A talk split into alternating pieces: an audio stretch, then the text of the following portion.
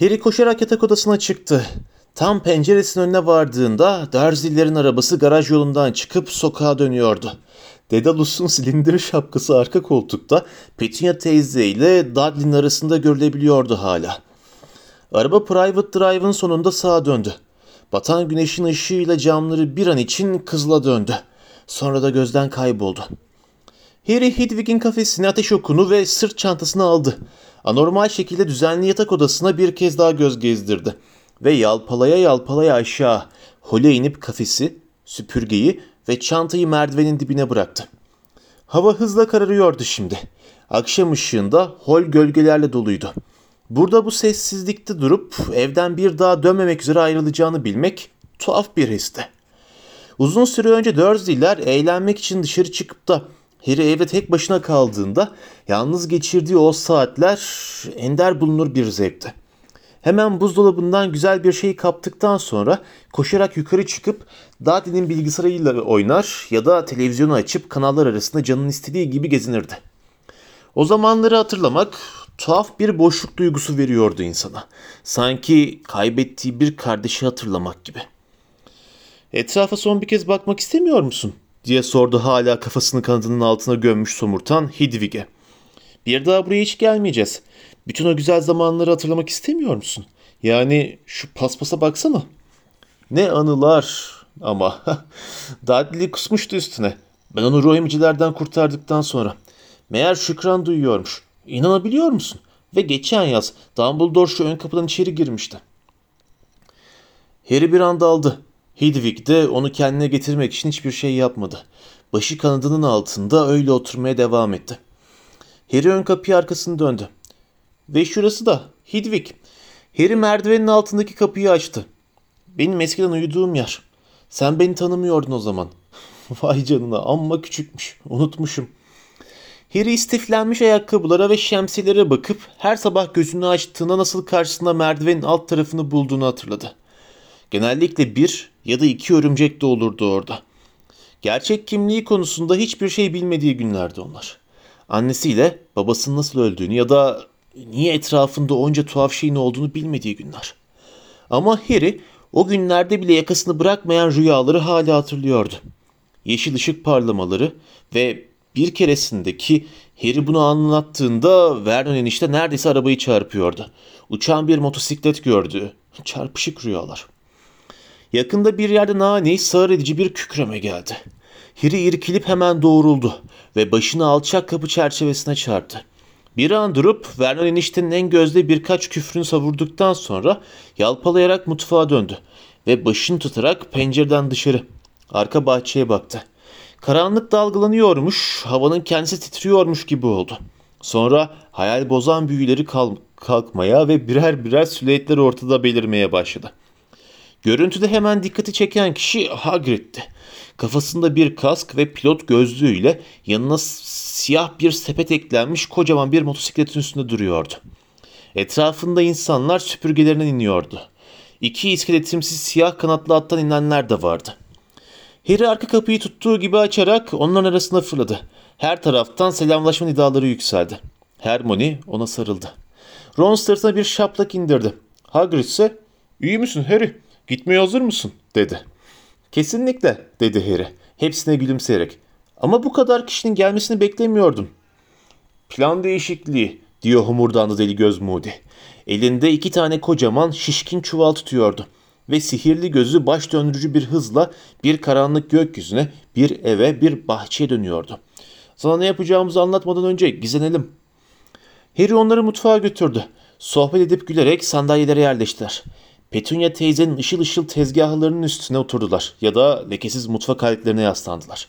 Uzun ve sıska Ron, kabarık saçı sıkı sıkı örülmüş olan Hermione, birbirinin tıpatıp aynı şekilde sırıtan Fred ile George, feci yara iziyle ve uzun saçıyla Bill, yumuşak yüzlü tepesi açılan ve gözlüğü biraz çarpık duran Bay Weasley, parlak mavi sihirli gözü yuvasında hızla dönüp duran savaşta hırpalanmış tek bacaklı deli göz, kısa saçı en sevdiği parlak pembe tonunda olan Tanks, saçları daha da ağarmış, yüzü daha da kırışmış olan Lupin, uzun gümüşi sarı saçıyla ince ve güzel Fleur, kel siyahi geniş omuzlu Kingsley, Karma karışık saçıyla ve sakalıyla kafasını tavana çarpmamak için kambur duran Hagrid ve sarkık baset tasısı gözleri ve keçeleşmiş saçıyla ufak tefek kirli ve ürkek Mandangus Fletcher. Harry'nin yüreği bu manzara karşısında şişip ışıl ışıl olmuştu sanki. Hepsine hatta en son karşılaştıklarında boğmaya çalıştığı Mandangus'a karşı bile inanılmaz bir sevgi hissediyordu içinde. Kingsley senin Muggle başbakanına göz kulak olduğunu sanıyordum diye seslendi odanın öbür tarafına. Bir gece ben sizi idare edebilir dedi Kingsley. Sen daha önemlisin. Harry bil bakalım ne oldu dedi Tanks çamaşır makinesinin tepesindeki tüneyinden sol elini ona doğru sallayarak. Parmağında bir yüzük parlıyordu. E, evlendiniz mi? diye ciyakladı Harry. Bakışlarını ondan Lupin'e çevirerek. Orada olamadığın için çok üzgünüm Harry. Çok sade bir düğündü. Harika bu. Tebrikler. Tamam tamam muhabbete hasret gidermeye daha sonra vaktimiz olacak diye bağırdı Moody gürültünün içinde ve birden mutfağa sessizlik çöktü. Moody çuvalları ayağın önüne bırakıp Harry'e döndü. Dedalus muhtemelen söylemiştir. A planından vazgeçmek zorunda kaldık. Fuse Thickness öbür tarafa geçti. Bu da bizim için ciddi bir sorun oluşturuyor. Bu evi uçuş şebekesine bağlamayı, buraya bir anahtar yerleştirmeyi ya da buraya cisimlenmeyi ve buradan buharlaşmayı hapislik bir suç haline getirdi.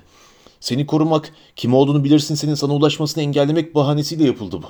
Fakat tamamen anlamsız. Çünkü annenin tılsımı zaten bu işi görüyor. Thickness'in aslında yaptığı şey senin buradan güvenli bir şekilde ayrılmanı engellemek. İkinci sorun. Yaşça küçüksün. Bu da hala üzerinde iz olduğu anlamına geliyor. Bilmem iz ne? İz, iz dedi Dilgöz sabırsızca. 17 yaşından küçüklerin çevresinde sihirsel etkinliği tespit eden büyü. Bakanlık yaşça küçüklerin büyü yaptığını böyle öğreniyor. Sen ya da çevrendeki biri buradan çıkmak için büyü yaparsa Tiknes bunu öğrenecek. O zaman ölüm yiyenler de öğrenecek. İzin kalkmasını bekleyemeyiz çünkü 17 yaşında olduğun anda annenin sana verdiği bütün korumayı kaybedeceksin. Kısaca Fizz Thickness seni tamamen köşeye sıkıştırdığını sanıyor. Harry de tanımadığı Thickness'le ister istemez aynı fikirdeydi. Peki ne yapacağız? Geriye kalan tek ulaşım biçimini kullanacağız. İzin tespit edemediği tek ulaşım biçimi bunlar. Çünkü bunları kullanmak için büyü yapmamıza gerek yok. Süpürgeler, testraller ve Hagrid'in motosikleti. Harry bu planda bir takım boşluklar görebiliyordu ama deli göze onlara değinme fırsatı vermek için dilini tuttu. Şimdi annenin tılsımı sadece iki halde bozuluyor. Yetişkinliğe erdiğin zaman ya da Moody eliyle tertemiz mutfağı işaret etti. Artık burayı evin olarak kabul etmediğin zaman. Sen ve teyzen enişten bu gece bir daha asla birlikte yaşamayacağınızın tamamen bilincinde yollarınızı ayırıyorsunuz. Doğru mu? Harry başıyla onayladı. Demek ki bu sefer evden çıktığında geri dönüş yok ve tılsım menzilinden çıkar çıkmaz bozulacak. Biz onu daha erken bozmayı tercih ediyoruz. Çünkü bunun alternatifi sen 17 yaşında olur olmaz kim olduğunu bilirsin senin gelip seni yakalamasını beklemek. Lehimize olan bir şey var ki o da kim olduğunu bilirsin senin seni bu gece götürdüğümüzü bilmemesi. Bakanlığa sahte bir bilgi sızdırdık. Senin ayın 30'una kadar evden ayrılmayacağını sanıyorlar. Ancak burada kim olduğunu bilirsin senden söz ediyoruz. O yüzden onun tarihi yanlış bileceği umuduna bel bağlayamayız. Ne olur ne olmaz diye illaki bu civarda gökte bir iki ölümü yeni devreye gezdiriyordur. O yüzden bir düzine ayrı evi elimizden gelen her tür korumayla donattık. Hepsi seni saklayacağımız yer olabilirmiş gibi görünüyor. Hepsinin de yoldaşlıkla bir bağ var. Benim evim, Kings'in evi, Molly'nin, Muriel'in teyzesinin evi. Anlamışsındır işte. Evet, dedi Harry. Ama tamamen doğru değildi bu çünkü hala planda koskoca bir boşluk görebiliyordu. Sen Tanks annesi babasının evine gideceksin. Onların evine koyduğumuz koruyucu büyücülerin sınırından içeri girdiğin anda seni kovuğa götürecek bir anahtarı kullanabileceksin. Soracağım şey var mı? Şey, e, evet dedi Harry. Belki ilk başta benim o 12 güvenli evden hangisine gideceğimi bilmiyor olacaktır ama çabucak kafaları saydı. 14 kişi Tanks'ın annesi babasının evine doğru uçtuğumuzda biraz belli olmayacak mı? Ah dedi Moody. Sana planın kilit noktasını söylemeyi unuttum. 14'ümüz Tanks annesi babasının evine uçmayacağız. Bu gece gökyüzünde 7 Harry Potter olacak. Her birinin yanında da bir yol arkadaşı olacak. Her çiftte başka bir güvenli doğru uçacak. Moody şimdi pelerinden çamura benzeyen bir şey dolu ufak bir şişe çıkardı. Başka tek kelime etmesine gerek yoktu. Harry anında planın gerisini anladı. Hayır diye bağırdı. Sesi mutfakta yankılandı. Hayatta olmaz. Böyle tepki vereceğini söylemiştim onlara, dedi Hermione, hafiften kendini beğenmiş bir edayla. Altı kişinin hayatını tehlikeye atmasına izin vereceğimi sanıyorsanız. Ya çünkü hepimiz için ilk olacak bu, dedi Ron. Bu farklı ama benmişim gibi yapmanız. Eh, aslında hiçbirimizin hoşuna gitmiyor Harry, dedi Fred samimi bir tavırla. Düşünsene ya bir aksilik olur da bit kadar sıska şapşallar olarak kalırsak. Harry gülümsemedi. Ben işbirliğine yanaşmadıkça yapamazsınız bunu. Saçıma ihtiyacınız var. Eh, o zaman bu plan burada yatar, dedi George. Besbelli ki sen işbirliğine yanaşmazsan bu kadar insan senden bir parça saç almamıza imkan yok. Evet ya 13'ümüz sihir kullanmasına izin verilmeyen tek bir kişiye karşı. Hiç şansımız yok, dedi Fred. Komik, dedi Harry. Cidden çok matrak. İşi zor kullanmaya getirirsek kullanırız yani o, o gerekirse diye homurdandı Moody. Harry öfkeyle bakarken sihirli gözü yuvasında biraz titriyordu şimdi. Buradaki herkes yetişkin yaşta. Potter ve hepsi bu riske girmeye hazır. Mandangus omuz silkip yüzünü buruşturdu. Sihirli göz yana doğru dönüp Moody'nin kafasının bir tarafından dışarı ona baktı. Artık tartışmayalım vakit azalıyor. Birkaç saç teli istiyorum çocuk hemen. Ama çılgınlık bu gerek yok. Gerek yok ha diye hırladı Moody. Kim olduğunu bilirsin sen dışarıdayken ve bakanlığın yeri son tarafındayken mi? Potter eğer şanslıysak şaşırtmacayı yutmuştur. Ve sana o otuzunda pusu kurmayı planlıyordur. Ama her an bir iki ölüm yene etrafı kolaçan ettirmemesi çılgınlık olur. Ben olsam öyle yapardım. Annenin büyüsü duruyorken sana ya da bu eve ulaşamayabilirler. Ama büyü bozulmak üzere. Ve buranın konumunu üç aşağı beş yukarı biliyorlar. Tek şansımız sahte hedefler kullanmak. Kim olduğunu bilirsin sen bile kendini yediği ayıramaz. Harry bir an Hermione ile göz göze geldi. Ve hemen bakışlarını kaçırdı. Evet Potter birkaç saçlı rica edeyim. Harry gözlerini Ron'a çevirdi. O da yüzünü buruşturup yap gitsin dermiş gibi bir ifadeyle Harry'e baktı. Hemen diye bağırdı Moody. Herkesin gözü üstüne alan Harry elini başına götürdü. Bir tutam saç yakalayıp çekti. Güzel dedi Moody. Topallayarak ona yaklaşırken iksir şişesinin tıpasını çıkararak. Buraya koymanı rica edeceğim. Harry saçları çamurumsu sıvının içine attı. Teller yüzeyine değer değmez iksiri köpürmeye ve dumanı tütmeye başladı. Sonra da birdenbire berrak, parlak bir altın rengine döndü. Oo senin adın, tadın Krevi ve Gold'dan daha güzel gibi görünüyor Harry dedi Hermione. Sonra Ron'un kalkan kaşları gözüne ilişti ve hafifçe kızararak ay ya ne demek istediğimi biliyorsun. Gold'un iksiri umacıya benziyordu. Pekala sahte Potter'lar şurada hizaya girsin lütfen dedi Moody. Ron, Hermione, Fred, George ve Fleur Petunia teyzenin pırıl pırıl parlayan lavabosunun önünde hizaya girdiler. Bir kişi eksiyiz dedi Lupin. İşte burada dedi Hagrid boğuk bir sesle ve Mandangus'u ense kökünden tutup kaldırarak Fleur'un yanına koydu. Fleur dikkati çekecek şekilde burnunu kırıştırdı ve yana kayıp Fred'le George'un arasından geçti. Söylemiştim ya koruyucu olmayı tercih ederim dedi Mandangus. Kapa çeneni diye homurdandı Moody. Sana daha önce de dediğim gibi karşılaşacağımız ölüm yiyenler Potter'ı öldürmeyi değil yakalamayı amaçlayacaklardır. Seni omurgasız olacaksın. Dumbledore her zaman kim olduğunu bilirsin senin Potter'ın işini bizzat bitirmek isteyeceğini söylerdi. Asıl endişelenmesi gereken koruyucular. Çünkü ölüm yiyenler onları öldürmek isteyecektir. Mandangus pek de öyle rahatlamış gibi görünmüyordu ama Moody çoktan işine dönmüş. Pelerin içinden altı tane yumurta kabı büyüklüğünde bardak çıkarıyordu. Bardakları tek tek uzattıktan sonra her birine çok özlü iksir koydu. Hep beraber. Ron, Hermione, Fred, George, Fleur ve Mandangus içtiler. İksir gırtlaklarına değdiğinde hepsi soluksuz kalıp yüzlerini buruşturdular. Bir anda yüzleri fokurdamaya sıcak bal mumu gibi çarpılmaya başladı. Hermione ve Mandangus uzuyordu. Ron, Fred ve George ise küçülüyorlardı. Saçları koyulaşıyor, Hermione ile Fleur'un kafa taslarının içine doğru çekiliyordu. Bütün bunları hiç aldırmıyormuş gibi görünen Moody yanında getirdiği çuvalların iplerini çözmekle meşguldü. Yeniden doğrulduğunda karşısında nefes nefese altı Harry Potter vardı.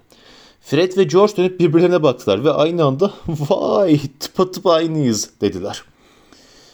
Bilmiyorum gerçi bence ben hala daha yakışıklıyım dedi Fred. Çaydanlıktaki yansımasını inceleyerek. Peh dedi Flor. Mikrodalganın kapağında kendi kendine bakarak. Bil bana bakma iğrencim. Giysileri biraz bol kalanlar için burada daha küçükleri var dedi Moody. İlk çuvalı göstererek. Küçük kalanlar içinse büyükleri. Gözleri unutmayın. Yan ceplerde toplam 6 tane gözlük var. Giyindiğiniz zaman öbür çuvaldan eşyalarınızı da alın. Gerçek Harry bunun ömründe gördüğü en acayip şey olduğunu düşünüyordu ki son tuhaf bazı şeyler görmüştü o zamana kadar. Altı kopyasının çuvalları karıştırmasını, içinden kıyafet çıkarmasını, gözlükleri takmasını ve kendi eşyalarını çuvara koymasını izledi. Mahremiyetine biraz daha saygı gösterilmesini isterdi çünkü hepsi tasasızca soyunmaya başlamıştı. Belli ki onun vücudunu sergileme konusunda kendilerinkini sergileme konusunda olacaklarından çok daha rahattılar. Ginny'nin o dövme konusunda yalan söylediğini biliyordum dedi Ron kendi çıplak göğsüne bakarak. Harry gözlerin gerçekten feci bozuk dedi Hermione gözlüğünü takarken. Sahte Harry'ler giyindikten sonra ikinci çuvaldan sırt çantalarını ve her birinin içinde doldurulmuş beyaz bir baykuş bulunan kafeslerini aldılar. Güzel dedi Moody. Sonunda yedi tane giyinmiş, gözlüklü ve çantalı Harry karşısında dururken. Çiftler şöyle, Mandangus benimle gelecek, süpürgeyle. Niçin ben senleyim diye sızlandı arka kapıya yakın duran Harry. Çünkü göz önünden ayrılmaması gereken sensin diye homurdandı Moody. Hakikaten de sihirli gözü Mandangus'un üzerinden bir an ayrılmıyordu. Arthur Lafiret, ben George'um dedi Moody'nin işaret ettiği ikiz. Harry olduğumuz zaman bile ayırt edemiyor musunuz bizi? Affedersin George. Aman takılıyorum. Gerçekten Fred'im ben. Yeter bu kadar dalga geçmek diye hırladı Moody. Öbürü George mu Fred mi? Hangisisin artık? Sen Remus'lasın. Bayan Delacour. Ben Fleur'u bir testrelle götürüyorum dedi Bill. Süpürgelerle arası pek iyi değil. Fleur yürüyüp Bill'in yanında durdu ve Harry'nin bir daha kendi yüzünde asla görünmeyeceğini umduğu kölemsi, duygusal bir ifadeyle ona baktı. Bayan Granger, Kingsley ile, yine Testral'le. Hermione Kingsley'nin gülümsemesine ve yine gülümsemeyle cevap verirken rahatlamış görünüyordu. Harry Hermione'nin de süpürge üzerinde kendine pek güvenmediğini biliyordu. Geriye seninle ben kalıyoruz Ron, dedi Tonks neşeyle. Ona el sallarken bir fincan askısını devirerek. Ron Hermione kadar memnun görünmüyordu. Sen de bendesin Harry, sorun yok ya, dedi Hagrid. Biraz kaygılı bir ifadeyle. Motora bineceğiz. Süpürgelerle testraller benim ağırlığımı taşıyamıyor da. Ama üstünde ben olunca pek yer kalmıyor. O yüzden sen sepette gideceksin. Harika, dedi Harry. Pek de dürüstçe konuşmayarak. Bize göre ölüm yiyenler senin süpürgeye binmeni bekleyeceklerdir, dedi Moody. Harry'nin neler hissettiğini tahmin ediyormuş gibi. Snape'in onlara senin hakkında daha önce söz etmediği her şeyi anlatacak kadar vakti oldu artık. O yüzden de ölüm yiyenlerle karşılaşırsak süpürgede rahatmış gibi görünen Potter'lardan birini seçeceklerinden epey, epey eminiz. Pekala diye devam etti. İçinde sahte Potter'ların giysileri bulunan çuvalı bağlayıp arka kapıya doğru yürümeye başlayarak. Benim saatime göre çıkış vaktimize 3 dakika kaldı. Arka kapıyı kilitlemenin bir anlamı yok. Nasılsa buraya gelen ölüm yiyenleri engellemez. Hadi. Harry çabucak holeye gidip sırt çantasını, ateş okunu ve Hedwig'in kafesini aldıktan sonra karanlık arka bahçede diğerlerine katıldı. Her yanda süpürgeler ellere doğru sıçrıyordu. Hermione Kingsley tarafından kocaman siyah bir testeyle bindirilmişti bile. Fleur ise Bill tarafından diğerine. Hagrid gözünde pilot gözlüğü motosikletinin yanında duruyordu. Bu mu? Sirius'un motoru bu mu? Aynen dedi Hagrid aşağı Harry'e doğru gülümseyerek. Ve buna son bindiğinde tek elime sığıyordun Harry. Harry sepete bindiğinde elinde olmadan kendini biraz küçük düşmüş hissetti. Orada otururken herkesten bayağı bir aşağıda kalıyordu. Ron onun çarpışan arabada oturmuş bir çocuğu andıran halini görüp sırıttı. Harry sırt çantasını ve süpürgesini ayaklarının dibine koydu ve Hedwig'in kafesini dizlerinin arasına sıkıştırdı. Son derece rahatsızdı burası. Arthur bayağı bir oynadı üzerinde dedi Hagrid. Harry'nin rahatsızlığından tamamen bir haber. O üzerine oturunca motosiklet hafifçe gacırdayarak yere birkaç santim gömüldü. Şimdi gidonunda epey bir numara var. Şu benim fikrimdi. Kalın parmağıyla hız ölçerinin yanındaki mor bir düğmeyi işaret etti. Lütfen dikkatli ol Hagrid dedi Bay Weasley. Elinde süpürgesiyle onların yanında duruyordu. Baştan beri onun pek akıllıcı olduğundan pek emin değilim. Kesinlikle sadece acil durumlarda kullanılmalı. Pekala dedi Moody. Herkes hazır olsun lütfen. Hepimizin tam aynı anda yola çıkmasını istiyorum. Yoksa şaşırtmacanın bütün esprisi kaybolur. Hepsi süpürgelerine bindi. Sıkı tutun Ron dedi Tanks. Harry, Ron'un onun belinin iki yanına ellerini koymadan önce Lupin'e kaçamak, suçlu bir bakış attığını gördü.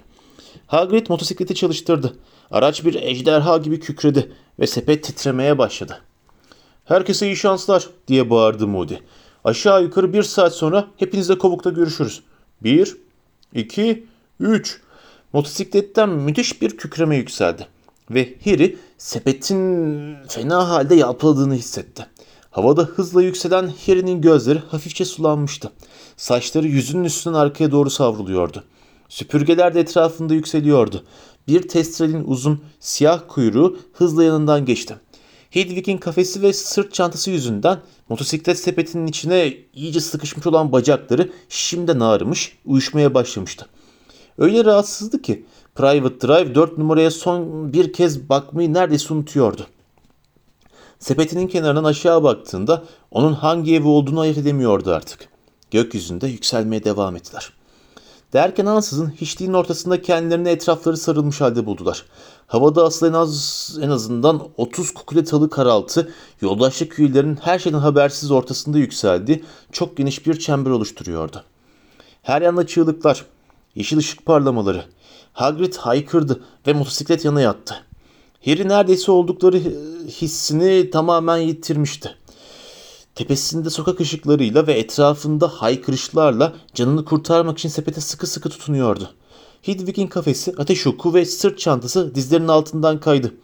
Hayır, Hedwig! Süpürge döne döne yere doğru düştü. Ama motosiklet tekrar eski haline gelirken Harry çantasının kayışını ve kafesin tepesini son anda yakalamayı başardı. Bir an rahat nefes aldıktan sonra tekrar yeşil bir ışık patlaması oldu. Baykuş tiz bir çığlıkla kafesin dibine düştü. Hayır, hayır! Motosiklet hızla yükseliyordu. Harry Hagrid'in saflarını yarıp geçtiği ölüm yiyenlerin etrafa saçıldığını gördü. Hedwig, Hedwig! Fakat baykuş kafesinin zemininde bir oyuncak kadar hareketsiz ve acıklı bir halde yatıyordu. Harry kabul edemiyordu bunu. Ayrıca diğerleri için duyduğu dehşet de son raddedeydi. Omzunun üstünden arkaya baktı ve hareket halinde bir insan yığını, yeşil ışık parlamaları, süpürge üstüne hızla uzaklaşan iki çift gördü. Ama onların kim olduğunu anlayamamıştı. Hagrid geri, geri dönmek zorundayız. Geri dönmek zorundayız diye bağırdı. Motorun gök gürültüsü misal kükremesinin üstünden sesini duyurabilmek için. Asasını çıkarıp Hedwig'in kafesini kuvvetle yere vurdu.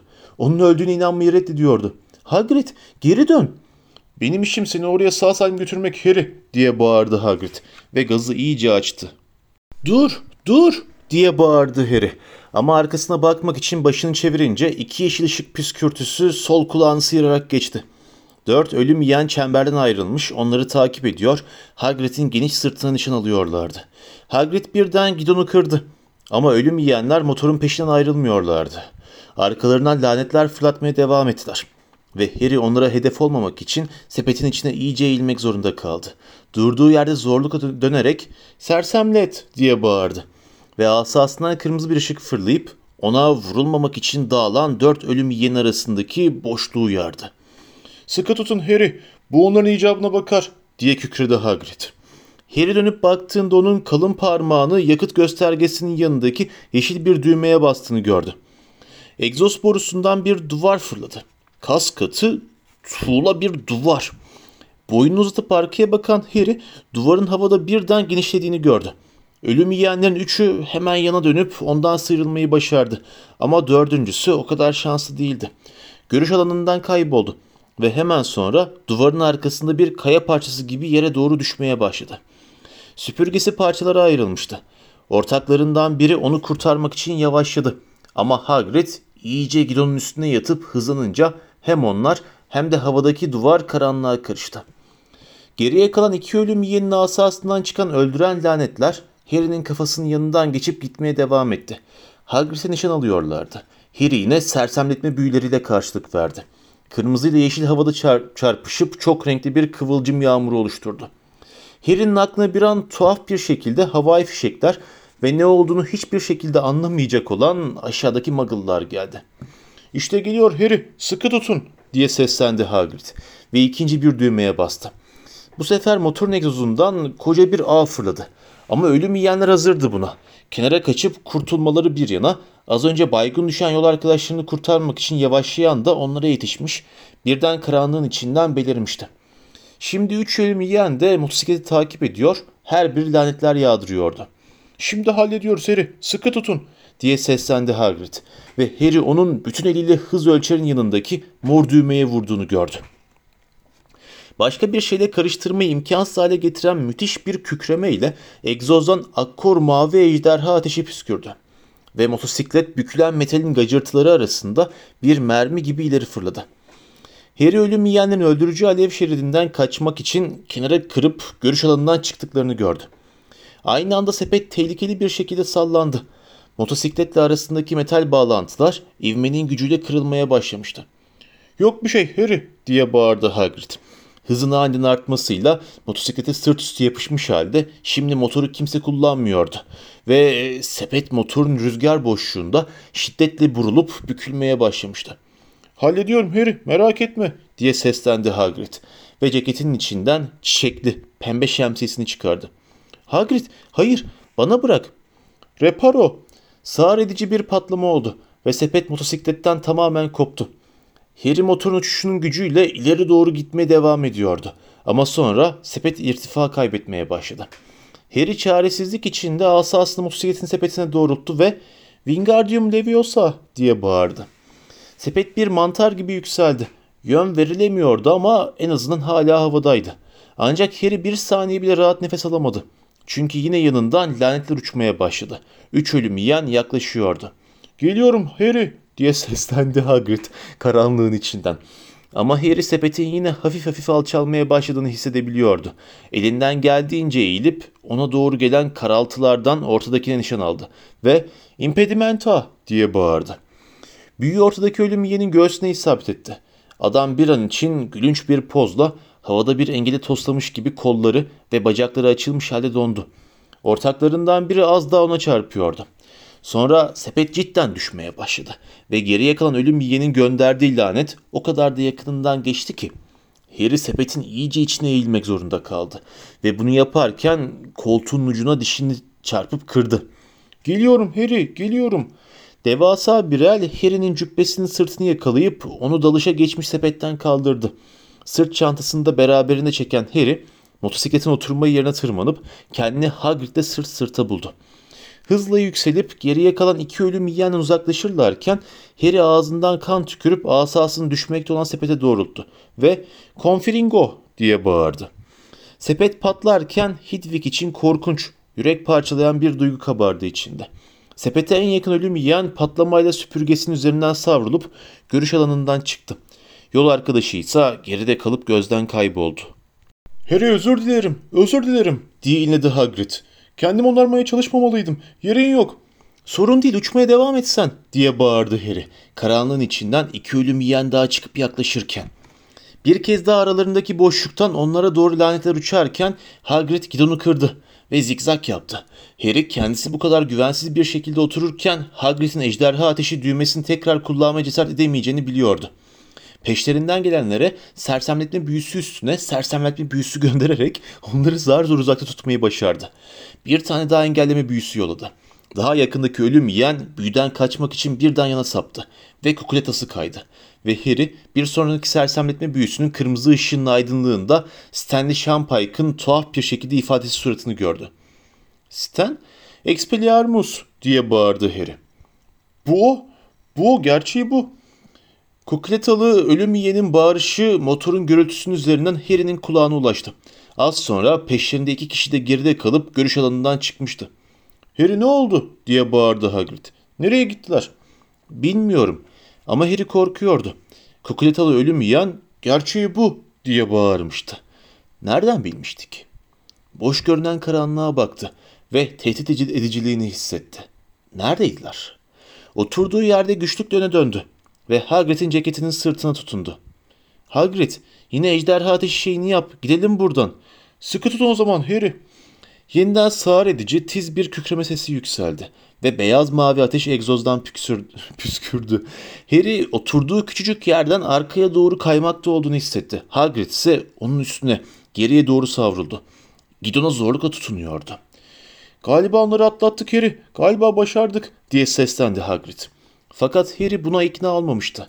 Geleceğinden emin olduğu takipçileri görmek için korkuyla sağa sola bakmaya devam ediyordu. Niye geride kalmışlardı ki? Birinin elinde hala asası vardı. Bu o Gerçeği bu. Harry Sten'i silahsızlandırmaya çalıştıktan hemen sonra söylemişlerdi bunu. Neredeyse geldik Harry. Başarmak üzereyiz diye bağırdı Hagrid. Harry motorun biraz alçaldığını hissetti. Ama aşağıdaki ışıklar hala yıldızlar kadar uzak görünüyordu. Sonra aniden alnındaki yara izi ateş gibi yanmaya başladı. Motosikletin her iki yanında birer ölüm yiyen belirdi ve arkadan yolanan iki öldüren lanet Harry'i milimle ıskaladı. Ve sonra Harry onu gördü. Voldemort rüzgarda duman gibi uçuyordu. Hem de onu tutacak bir süpürge ya da testral olmaksızın. Yılanımsı yüzü siyahlığın içinde ışıldıyordu. Beyaz parmakları asasını yeniden kaldırıyordu. Hagrid bir korku böğürtüsüyle motosikleti dimdik bir dalışa geçirdi. Canını kurtarmak için sıkı sıkı tutunan Harry, etrafına girdap gibi dönen gecenin içine gelişi güzel sersemletme büyüleri yolladı. Yanından geçip giden bir vücut görünce içlerinden birini vurduğunu anladı. Ama hemen ardından bir patlama duydu ve motordan kıvılcımlar çıktığını gördü. Motosiklet tamamen kontrolden çıkmış, havada sarmallar çiziyordu. Yeniden yanlarından yeşil ışık, püskürttükleri geçti. Harry ner, neresinin yukarısı neresinin aşağısı olduğunu tamamen karıştırmıştı artık. Yara izi hala yanıyordu. Artık her an ölmeyi bekliyordu. Bir süpürgenin üstünde kukuletalı bir karaltı ondan biraz ilerideydi. Harry onun kolunu kaldırdığını gördü. Hayır! Hagrid hiddetle bağırarak motordan ölüm yiyenin üstüne atladı. Harry dehşet içinde toplam ağırlıkları süpürgenin taşıyıcı, taşıyamayacağı kadar fazla olan Hagrid'le ölüm yiyenin düşüp gözden kayboluşunu izledi. Dalıştaki motosiklete dizleri zar zor tutunmak olan Harry, Voldemort'un benim o diye çığlık attığını işitti. Bitmişti artık. Voldemort'un nerede olduğunu göremiyor, duyamıyordu. Bir ölüm yiyenin daha yoldan çekildiği gözüne ilişti ve havada Harry'nin yara izinin acısı onu gözlerini kapatmak zorunda bırakırken asası kendi kendine harekete geçti. Harry onun kocaman bir mıknatısmış gibi elini sürüklediğini hissetti ve yarı yumulu göz kapaklarının arasından asadan altın rengi ateşin fırladığını gördü. Bir şak sesi ve bir hiddet çığlığı duydu. Son ölüm yiyen haykırdı. Voldemort hayır diye çığlık attı. Bir şekilde Harry burnuna ejderha ateşi düğmesinin bir santim önünde buldu. Asası eliyle düğmeye vurdu ve motor havaya yine ateş alevler püskürterek hızla yere doğru fırladı. Hagrid diye seslendi Harry. Canını kurtarmak için motosiklete sıkıca tutunarak. Hagrid! Akio Hagrid! Motosiklet hızlandı. Yere doğru süratle çekiliyordu. Yüzü gidonla aynı hizada olan Harry uzaktaki ışıkların giderek yaklaşmasının dışında hiçbir şey göremiyordu. Yere çakılacaktı ve bu konuda yapabileceği hiçbir şey yoktu. Arkasından bir çığlık daha duydu. Alsan Selvin, bana alsanı ver. Voldemort'u daha görmeden onu hissetti. Hemen yana doğru baktığında kırmızı gözlerle göz göze geldi. Onların hayatta göreceği son şey olduğuna emindi. Voldemort ona bir kez daha lanet yollamaya hazırlanıyordu. Derken Voldemort birden ortadan kayboldu. Harry aşağı baktığında hemen altında Hagrid'in kolları ve bacakları iki yana açık yerde yattığını gördü. Ona çarpmamak için gidona bütün gücüyle asıldı ve el yordamıyla freni bulmaya çalıştı. Ama kulakları sağır edici, yeri titreten bir darbeyle bir çamur birikintisine düştü.